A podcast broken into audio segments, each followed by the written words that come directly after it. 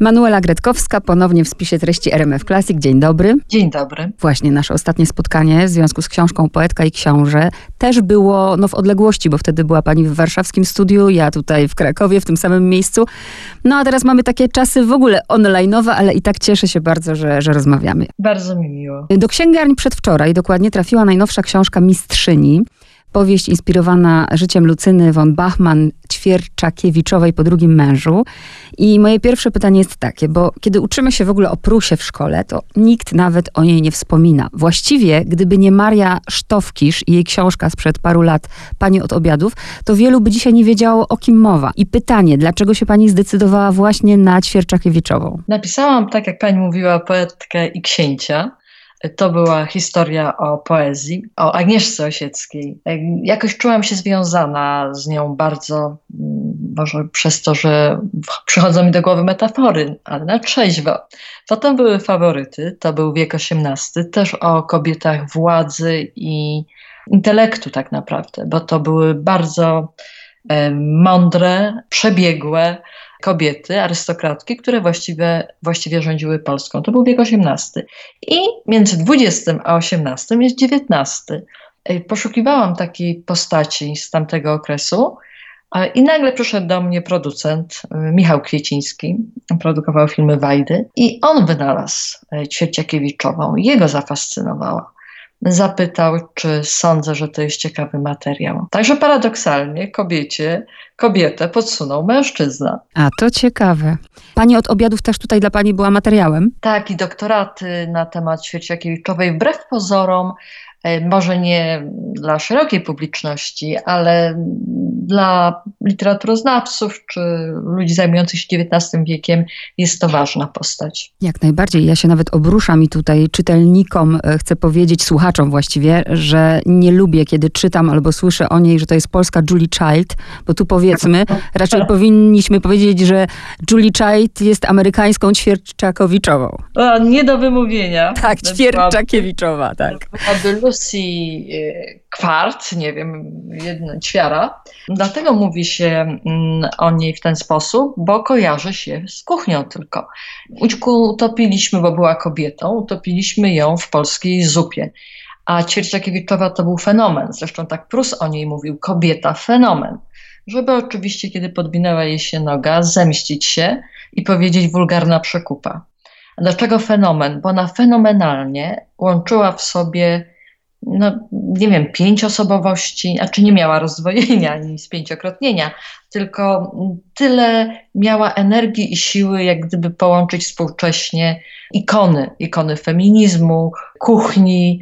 Co kto lubi, nie chcę wymieniać nazwisk, bo każdy ma swoją ulubioną panią, nie od obiadów, ale od zmian społecznych, od gotowania, od designu. I ona była tym wszystkim. To niewiarygodne, bo to był XIX wiek, nie było komputerów. A ona pisała. Pisała krytyki teatralne, krytyki sztuki, e, krytyki życia, o modzie, tłumaczyła z wielu języków. Do tego wydawała książki, jeździła z odczytami. Nie wiem, kiedy ona miała na to czas. Może tak jak Janda, spała 2-3 godziny dziennie, bo ciągle była na scenie życia. Tak, też mnie fascynuje w ogóle ta postać, a jak kiedy myślę o tym, że urodziła się właśnie prawie 200 lat temu, i myślę o tym, że mamy rok 2021 i nienawidzono by jej, a szczególnie w tej Polsce, którą teraz mamy. No właśnie, za co byłaby za co była i za co byłaby dzisiaj nielubiana? Za to, że była kobietą. Polska jest to kraj, w którym nienawidzi się kobiet. Nie znam normalnego kraju europejskiego, w którym by tak prześladowano kobiecość. A ona jej broniła, broniła wolności, rozwiodła się, była młodą kobietą i w tamtych czasach i w jej sferze to było nie do pomyślenia. Ona po prostu dziwkarza, bo taki był pierwszy mąż, pogoniła, wzięła rozwód. Druga miłość y, była o wiele dla niej e, lepsza i prawdziwa. E, kiedy umarł mąż, to niedawno czytelniczka mi przesłała to zdjęcie. Nie miałam pojęcia, że umarł w Ciechocinku w uzdrowisku, więc jest pochowany niedaleko i ma wielki napis zrobiony przez, zamówiony przez e, Lucynę. Byłeś wzorem człowieczeństwa. To, to bardzo piękne. To nie jest mm. prośba o paciorki, wysnienia, tylko taki manifest. I ona też była wzorem człowieczeństwa, mądrości, charyzmy, dobroczynności. Przecież ona zarabiała kolosalne pieniądze, jedne z największych w Warszawie, po to, żeby wydać na potrzebujących. Ona niewiele potrzebowała, chodziła w czarnej kiecce wdowie. A dlaczego byłaby znienawidzona? Dlatego, że mówiła prawdę, bez konwenansów. Była luteranką. To też jest bardzo, bardzo ważne, bo cała ta hipokryzja katolicka po prostu jej zwisała.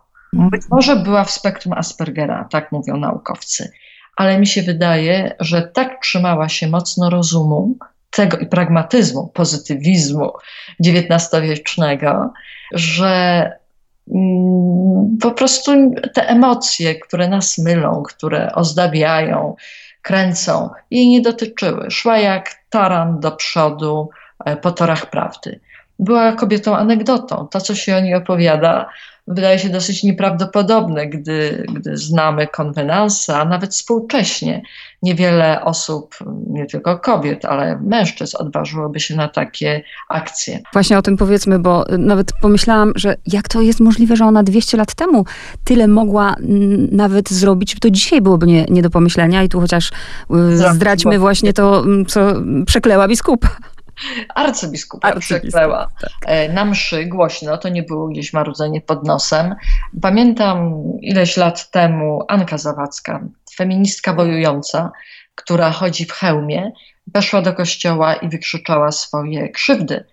Została uznana za wariatkę i, i ciągana po policjach, jakichś zeznaniach, sądach. E, a Ćwierciakiewicz przepraszam, to jest Sunia, a Ćwierciakiewiczowa e, zrobiła to, zyskała jeszcze uznanie społeczne i to też mówi o czasach, w których żyjemy.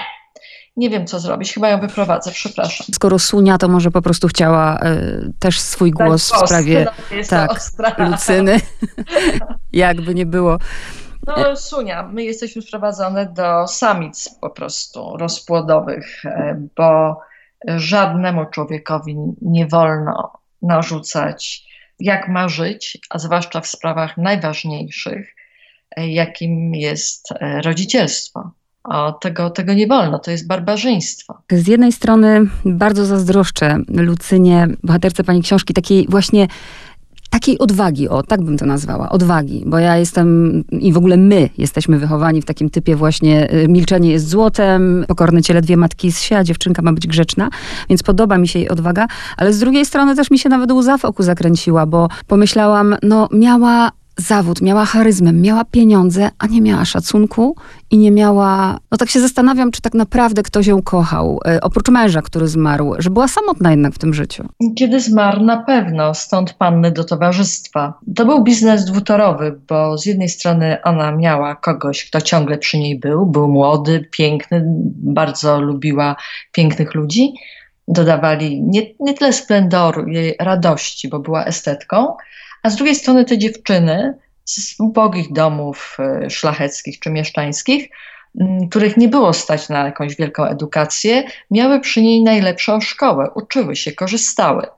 I ta, ta no niedobroczynność, bo to był obopólny biznes, one zarabiały, zemściło się na niej. Stąd moja książka. Próbowałam zrozumieć, dlaczego ona, która tak wspierała kobiety, e, kształciła, przewietrzyła tą polską zaściankowość e, Zachodem. E, dlaczego zdradziła jak gdyby tak. całe swoje życie, pisząc absurdalny artykuł o tych wszystkich panach do towarzystwa, każdej wady wypisała i głupoty. No, są młode dziewczyny były, jedna nie umiała dobrze czytać, drugiej się, druga E, robiła inne bzdury, jak to, to dziewczyny młode. W dodatku pewnie Ćwierciakiewicz chciała im narzucić jakieś mm, wymagania, e, była też niedościgłym wzorem. Ona tak je opisała, że można było jej zidentyfikować, a te dziewczyny miały do wyboru albo pracę, czyli rekomendacje, których je pozbawiła w ten sposób, albo małżeństwo. Stały się pośmiewiskiem mm. i Warszawa odwróciła się od niej, pełna oburzenia. Polska też. Nawet wtedy właśnie Prustak się brzydko zachował, zdradzając przyjaciółkę. Myślę, że w tej nagłej wrogości, nie, nie szukaniu usprawiedliwienia, nawet nie usprawiedliwienia, próby wytłumaczenia, co się stało, był właśnie ten resentyment zawiści, że była kobietą, że mówiła, co chciała, A mówiła, co chciała, nie tylko dlatego, że ceniła rozum i logikę, ale była szalenie bogata. Chciała wystawić sztukę i miała z tym problemy, to mówiła, że kupi teatr. Kiedy ktoś tam jej podskakiwał w redakcji, dyrektor, no to mm, chciała kupić razem z dyrektorem. Dla niej to nie był problem. Ale ona zarobiła te pieniądze sama w czasach, kiedy kobiety się jeszcze w Polsce nie mogły kształcić. Musiały wyjeżdżać za granicę, żeby cokolwiek studiować. To prawda. Y, też y, smutne jest to, że właśnie jednak nie można kupić za pieniądze wszystkiego, ale też to, co pani powiedziała, mm, ja też sobie zadałam to pytanie, bo na przykład to, co zrobiła z Rosjanami, że ich podejmowała obiadami po to, żeby ich przekupić i, i właśnie robić dobro, to też zadałam sobie to pytanie, dlaczego ona to zrobiła tym dziewczynom, bo nie mogę, no nie jest jednoznaczna. To znaczy, nie była pomnikiem. Każdy człowiek ma pęknięcia i to jest ciekawe w pisarstwie, znaleźć to pęknięcie i tą prozą e, poszerzać i szukać dalej. Dlatego opisałam ten rok, próbuję to wytłumaczyć, znając pewne realia. Na pewno nie znam do końca prawdy że ten, mm, bo to było szaleńcze, co ona wykonała. Ona była szalona, ale nie do tego stopnia. Że to były emocje, miłość własna urażona, nie zazdrość o młodość, tylko właśnie w tym romansie, w tej niespełnionej miłości poczuła się zdradzona, nie oskarżyła o to młodego człowieka, w którym się zakochała, tylko jak wiele osób robi, y, mój ideał jest bez skazy, nie on, nie ona, tylko ten, kto go uwodził. Pomyliła się według mnie, ale bardzo drogo zapłaciła za tę pomyłkę. Chociaż to nie było tak, że została odrzucona i zapomniana. Kiedy zmarła, Warszawa stanęła. To był jeden wielki kondukt od Królewskiej, od centrum do Powązek, cmentarza protestanckiego, gdzie została pochowana. Dlaczego tak jest, że ktoś musi umrzeć, e, żeby w tym kraju go, go docenić? E, bo no, później na długie lata też zniknęła właśnie. No czyja to wina? Ale myślę, że to, co pani powiedziała, dlaczego tak jest w Polsce, dlatego, że za życia wsadzamy ludzi do polskiego piekła, a po śmierci hurtowo transportujemy nieboszczyków do raju, e, mhm. polskiego raju. I stąd to wynika. Mamy poczucie winy e, za to, co zrobiliśmy. Gdyby nie było takiego kancelowania, sekowania, poniżania za życia, nie mielibyśmy takiego poczucia, że musimy to wynagrodzić i tak byśmy holowali wysoko, niektórych aż do świętości. Jak się okazuje, zbyt pochopnie. To też prawda dlaczego właśnie zniknęła? Dlaczego teraz w, w XXI wieku musimy, nie wiem, muszą powstawać książki? Dlaczego? Bo wtedy była przecież bardzo popularna, można powiedzieć nawet bardziej niż Prus. To było bardzo ciekawe dla mnie, kiedy zobaczyłam, że na weselach, na ślubach był taki zestaw firmowy tak. pod każdym e, zaborem Tadek i Ćwiara. Tadek to pan Tadeusz, patriotycznie, a Ćwiara to Ćwierciakiewicz, żeby państwo młodzi dobrze jedli. Więc to jak chlebem i solą po prostu. Dlaczego tak? W pewnej mierze dlatego, że była kobietą. Mężczyznom stawia się pomniki. Kobietom Orzeszkowa ma Konopnicka, ale one pisały powieści. Nie pisały czegoś tak ulotnego jak artykuły do gazet, które zmieniały modę, e, mentalność. To jest bardzo nieuchwytne, to jest atmosfera y, życia. Być może y, dlatego i też nie tylko kulinaria. Ja w ogóle tę książkę się tu słuchaczom teraz mówię, ją się czyta bardzo szybko i to jest kilka bardzo przyjemnych godzin, naprawdę. I w niektórych momentach, ta książka jest dla mnie bardziej smutna jednak, ale w niektórych momentach to nie tyle, że się uśmiechałam, tylko tak, nie wiem, coś, co dzisiaj się wydaje oczywiste. Przecież mówimy o XIX wieku i o tym, co oczywiste nie było, że ona miała przecież ogromny wpływ na higienę.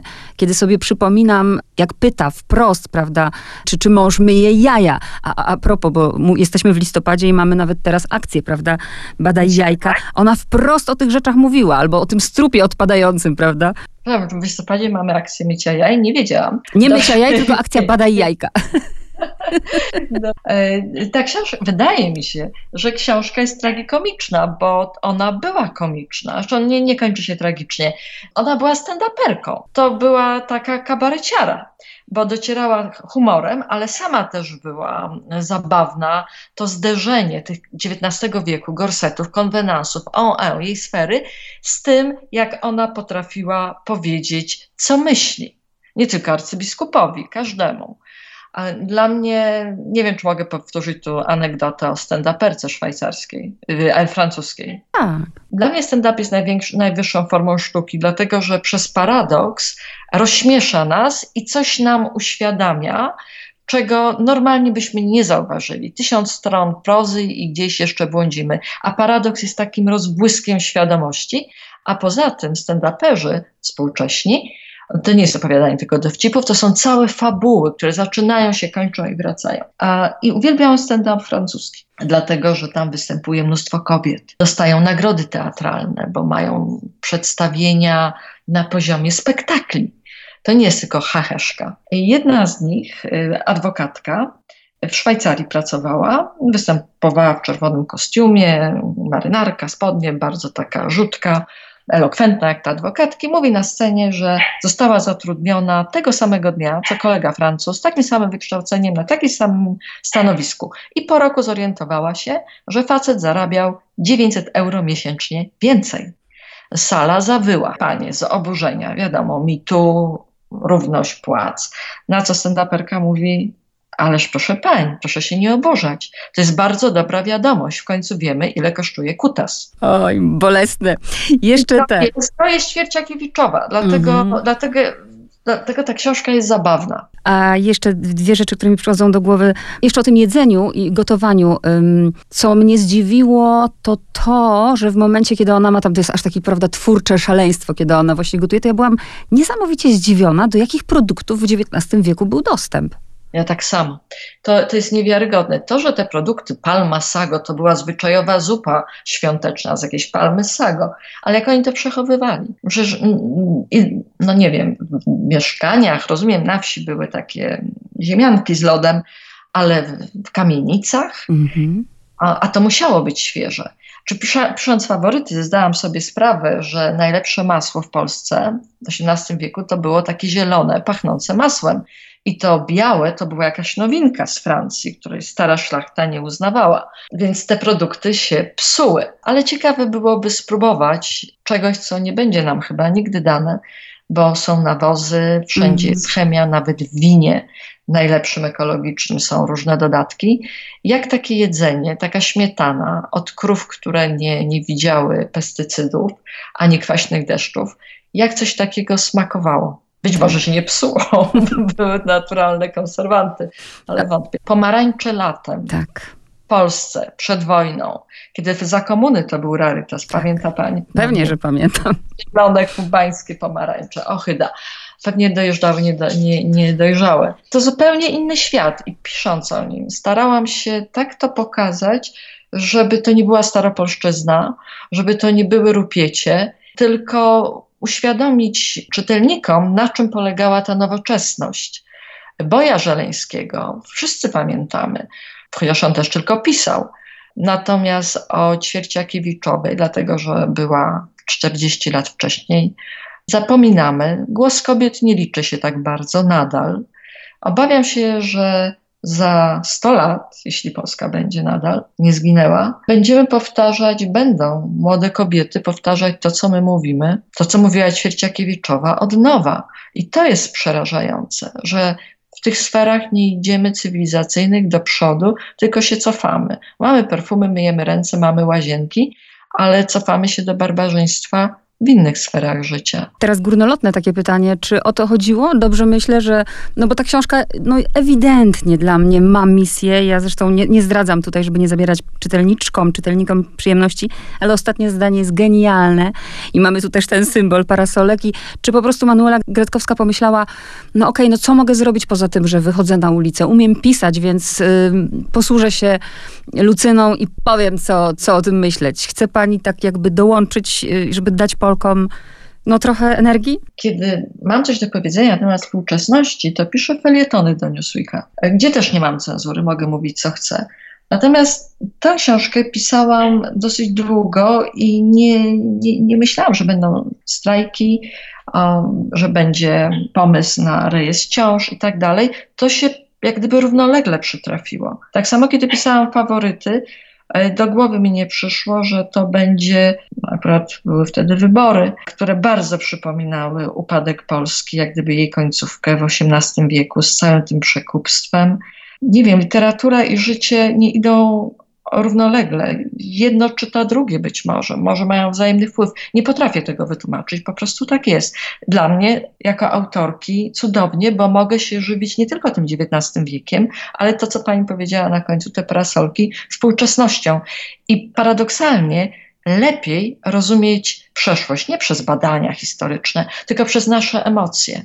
W życiu by mnie tyle lat mnie to ciekawiło, jak je czytałam Tomasza Mana. Więc skąd się wziął faszyzm? To jest okrutne, że można to przeżyć samemu i to zrozumieć i już nie zadawać pytań, jak wspaniały naród może się tak upodlić. Cieszy go śmierć niewinnych ludzi na granicy, że szczują na ludzi dobrych, prawych, e, całą machinę propagandy. Cnota krytyki się nie boi, ale dlaczego ma być gwałcona przez propagandę? To jest faszyzm. Myślę też, że gdybym pracowała teraz w szkole, na pewno bym e, z tą książką e, chodziła też omawiać lalkę. Sama jestem miłośniczką Prusa i w ogóle lalki, ale rzeczywiście Prus jest na piedestale. A pani fajnie tego Prusa tu pokazuje, właśnie odziera to wszystko, co o nim myślimy. Czy wyobrażam go sobie jako tego właśnie, który gdzieś tam z ćwiercza Kiewiczowej wyciąga pieniądze, ale na co je wydaje? To, mm, to też tak nie, nie, jest to moja zasługa, że ja to wymyśliłam. Jest wspaniała książka Moniki Piątkowskiej, e, Prus, biografia, gruba cegła. I zastanawiałam się z nią i z naszymi mężami, spotykaliśmy się towarzysko. E, mój mąż jest terapeutą, jej to mm, Talko, Leszek. Powiedzcie nam, panowie, na swój rozum, co byście robili, na, co, co facet może robić z pieniędzmi, jeżeli nie wydaje na hazard? Bo Monika zrobiła bardzo szczegółowe takie śledztwo. Sprawdzała rachunki, on zarabiał, wydawał. I tu jej się nie zgadzało. No bilans nie wychodził na zero. A na co byście wydali, jeżeli nie jesteście alkoholikami, narkomanami, nie ma tu hazardu? Na co? No i obydwaj powiedzieli kobiety. A, a Prus, wbrew pozorom, znaczy nie, to był taki człowiek bardzo uczciwy w tym, co pisał. Nie opisywał tego, czego nie poznał. Był pozytywistą, pragmatykiem. I jeżeli wczytać się w jego książki, to Wokulski to tak przemyka jak zdanie w lalce. E, chodził w Paryżu do domów rozpusty. I to bardzo często. Prus bywał na tym powiślu bardzo często i je znał. To jest moja fantazja literacka, nie będę mówiła, że poparta badaniami biograficznymi. Nie. To jest moje e, przypuszczenie i też by pasowało, a nieraz te puzzle się układają, do jego reakcji na porażkę Ćwierciakiewiczowej, która mu pożyczała pieniądze. Dlatego tak mówię, bo mam wiele przykładów nie tylko z mojego pisania, jak rzeczy wymyślone, totalnie wymyślone, e, okazują się prawdziwe jak, jak Sherlock Holmes by tego nie wymyślił. Bo wyobraźnia, czy nie uważam wyobraźni za kłamstwo, wyobraźnia mm, jest innym rodzajem poznania, który układa jakieś te puzzle i tam, gdzie ich nie ma, dopasowuje, a potem nagle bach. Postać, którą opisywałam i dopisałam jakieś tam cechy niezbyt ciekawe, ukryte. Potem się okazywało, kiedy sprawdzałam to, e, absolutnie tak to było, a wymyślone. To, to nie tylko mój przypadek. A jeszcze Alan Edgar Poe, który był pisarzem i fantastą, proszę sobie wyobrazić, też za pomocą wyobraźni napisał odpowiedź na, chyba to było takie pytanie do naukowców, czemu niebo jest czarne, skoro jest nieskończone i ma tyle gwiazd. I on znalazł odpowiedź, nie będąc naukowcem, za pomocą samej wyobraźni. Tak. Zresztą poznawaliśmy świat, rozwijaliśmy język i myślenie abstrakcyjne za pomocą poezji. Abstrakcja, pierwsza abstrakcja to poezja. Poeci stworzyli nasz świat, świat języka.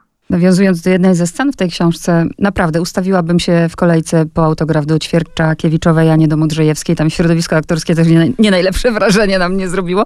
A ostatnie pytanie, obiecuję, to jest takie, co pani dodała albo odjęła? Co dodała tej historycznej albo odjęła, czy odwrotnie? Odjęłam wiedzę kulinarną, bo ja takiej nie mam. Opisywałam to, co mnie zachwycało z zeszycikiem, żeby nie popełnić błędów, tak jak pisałam o pracy e, w szpitalach też, żeby się nie pomylić z zeszycikiem dokładnie. Więc to odjęłam, bo na pewno ona miała wiedzę nieskończoną na te tematy. A ja nie jestem dobrą kucharką, prawdę mówiąc żadną, ale nie umiem gotować tak na poziomie tak jak teraz to się robi. Więcej bałaganu niż smaku. Więc to odjęłam, a dodałam, dodałam tej nowoczesności, takiego myślenia. Sądzę, że gdyby ona pojawiła się teraz, by myślała tak jak, nie mówię tak samo, ale podobnie jak w mojej książce. Takimi słowami, takie miałaby reakcje. Bo XIX wiek jest trudny. Biedermeier, e, taki mo, może piękny dla warszawianistów, XIX-wieczna Warszawa. Ja wolę tę XVIII-wieczną. E, wydaje mi się bardziej perwersyjna, bardziej wysublimowana.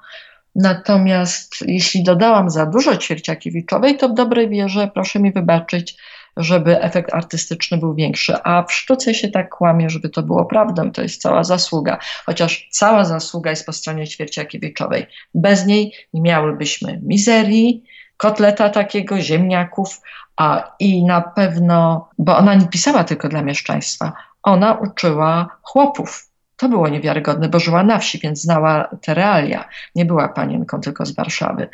Mm, to było bardzo, bardzo nowe, żeby zmieniać dietę ludzi, którzy jedli korzenie trawy i pyry na okrągło. Ja sobie biorę też, że właśnie nie muszę wiecznie być taka bardzo miła. Chciałabym. Także to można powiedzieć też mistrzyni. Fajnie, że tytułem można się bawić. Mistrzyni gotowania i, i mistrzyni właśnie. Jej mistrzostwo polegało, tak sądzę, patrząc z perspektywy nie tylko na mówieniu prawdy, myślę, że prawdę można wybaczyć. Dzięki niej będziemy zbawieni w końcu, za życia zabawieni, jeśli to jest stand-up. Natomiast jej mistrzostwo polegało na tym, że pokazywała swoim życiem, że nie można tak samemu w pojedynkę chce się zmienić społeczeństwo, tylko razem. Stąd to jedzenie dla chłopstwa, tak nazywano było wtedy, dla całego społeczeństwa pracowała. A drugie, skupiała się bardzo na kobietach, bo wiedziała, ile etatów mamy na głowie i że kobiecość jest swego rodzaju wieloetatowym zawodem żeby nie obciążać się wymaganiami ponad miarę, które daje nam kolorowa prasa, w jej czasach też, wymagania mężczyzn, wyobrażenia kobiet, kościoła, nie wiadomo czego, e, tylko skupić się absolutnie na sobie. Tak jak teraz w samolotach, maska najpierw na twarz matki, potem dziecka. Skupić się na sobie i znaleźć tą równowagę, mistrzowską równowagę, bo jest trudne. Nie ulegania cudzym żądaniom i wyobrażeniom, nawet za cenę miłości, a być tym, kim się naprawdę jest we własnej skórze. Ona nie była piękna, nie była jakaś efektowna, Ćwierciakiewiczowa. Znalazła tą, tą równowagę, żeby nie wpadać w kompleksy i w nadmierną dumę, mimo że miała z czego być dumna. Być pożytecznym dla siebie i dla innym. A wszystkie problemy, które sobie same kładziemy na głowę, potem z tego są różne neurozy, nerwice, nie jesteśmy pożyteczni dla siebie. Nie mówię o innych, to jest inna bajka, ale żeby być pożyteczną dla siebie samej, bo same najlepiej wiemy, czego potrzebujemy i czego chcemy i być mistrzynią siebie. Bardzo dobre podsumowanie. Manuela Gretkowska, dziękuję bardzo. Bardzo dziękuję.